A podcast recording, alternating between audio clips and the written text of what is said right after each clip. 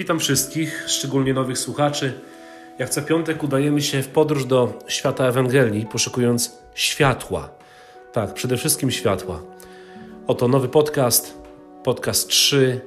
Trzeba się narodzić. Przez kilka ostatnich dni Kościół raczył nas opowiadaniem o pewnym nocnym spotkaniu z Nikodemem. Znajdziemy je na początku trzeciego rozdziału Ewangelii Jana, rozdziale trzecim, wersety od pierwszego do 21. Spośród wielu faryzeuszy uczonych w piśmie, ten starszy i szanowany uczony, świadczyć może ten fakt, iż zasiadał nawet w Najwyższej Radzie, rzeczywiście poszukiwał prawdy. W odróżnieniu od swoich kolegów, biegłych w prawie i pismach, szczerze chciał poznać Chrystusa, nie mając na celu jedynie pochwycenia go na kłamstwie czy bluźnierstwie. Mistrz daje mu odpowiedź bardzo zaskakującą i trudną do przyjęcia – Wnioski z niej można podzielić na trzy bardzo ważne dla nas kwestie. Należy bowiem narodzić się powtórnie, wywyższyć, a więc przyjąć i uchać krzyż oraz zwrócić swoje serce ku prawdzie. Na pierwszy rzut oka te trzy kwestie wydają się być odległe i niezrozumiałe, ale to tylko złudzenie, bowiem należy je rozważyć w kontekście męki, śmierci i zmartwychwstania Chrystusa. Święty Jan przytacza zapis tej rozmowy, aby ukazać nam konieczność i głęboki sens śmierci krzyżowej, która jest jakby nowym narodzeniem, obumarciem tego, co stare, nowym otwarciem, przejściem za zasłonę. Aby narodzić się powtórnie, musimy przejść chrzest krzyża, urodzić się na nowo dla Boga. Nie ma, kochani, innej drogi, jeżeli nasz mistrz Chrystus, a przecież uważamy się za jego uczniów, przeszedł ten chrzest, my też musimy go przejść.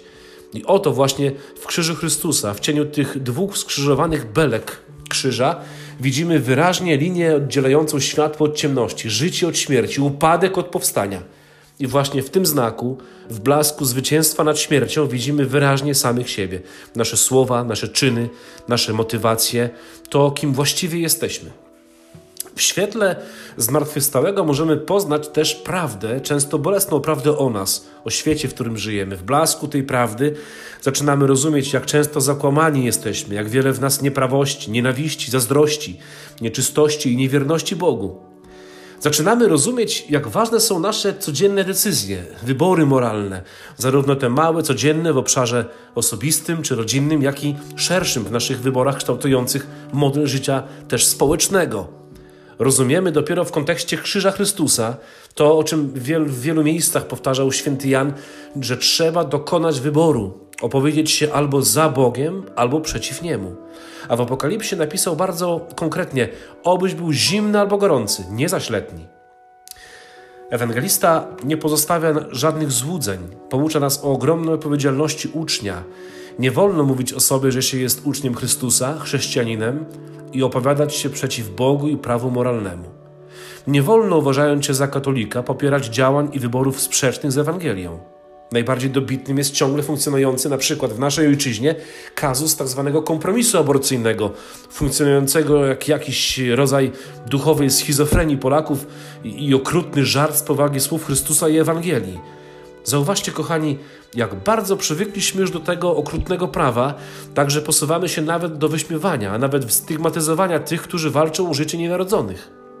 Tymczasem to pierwszy i najważniejszy nasz obowiązek chronić życie, które jest darem Boga i o które tak sami często drżymy, kiedy mowa o naszym życiu.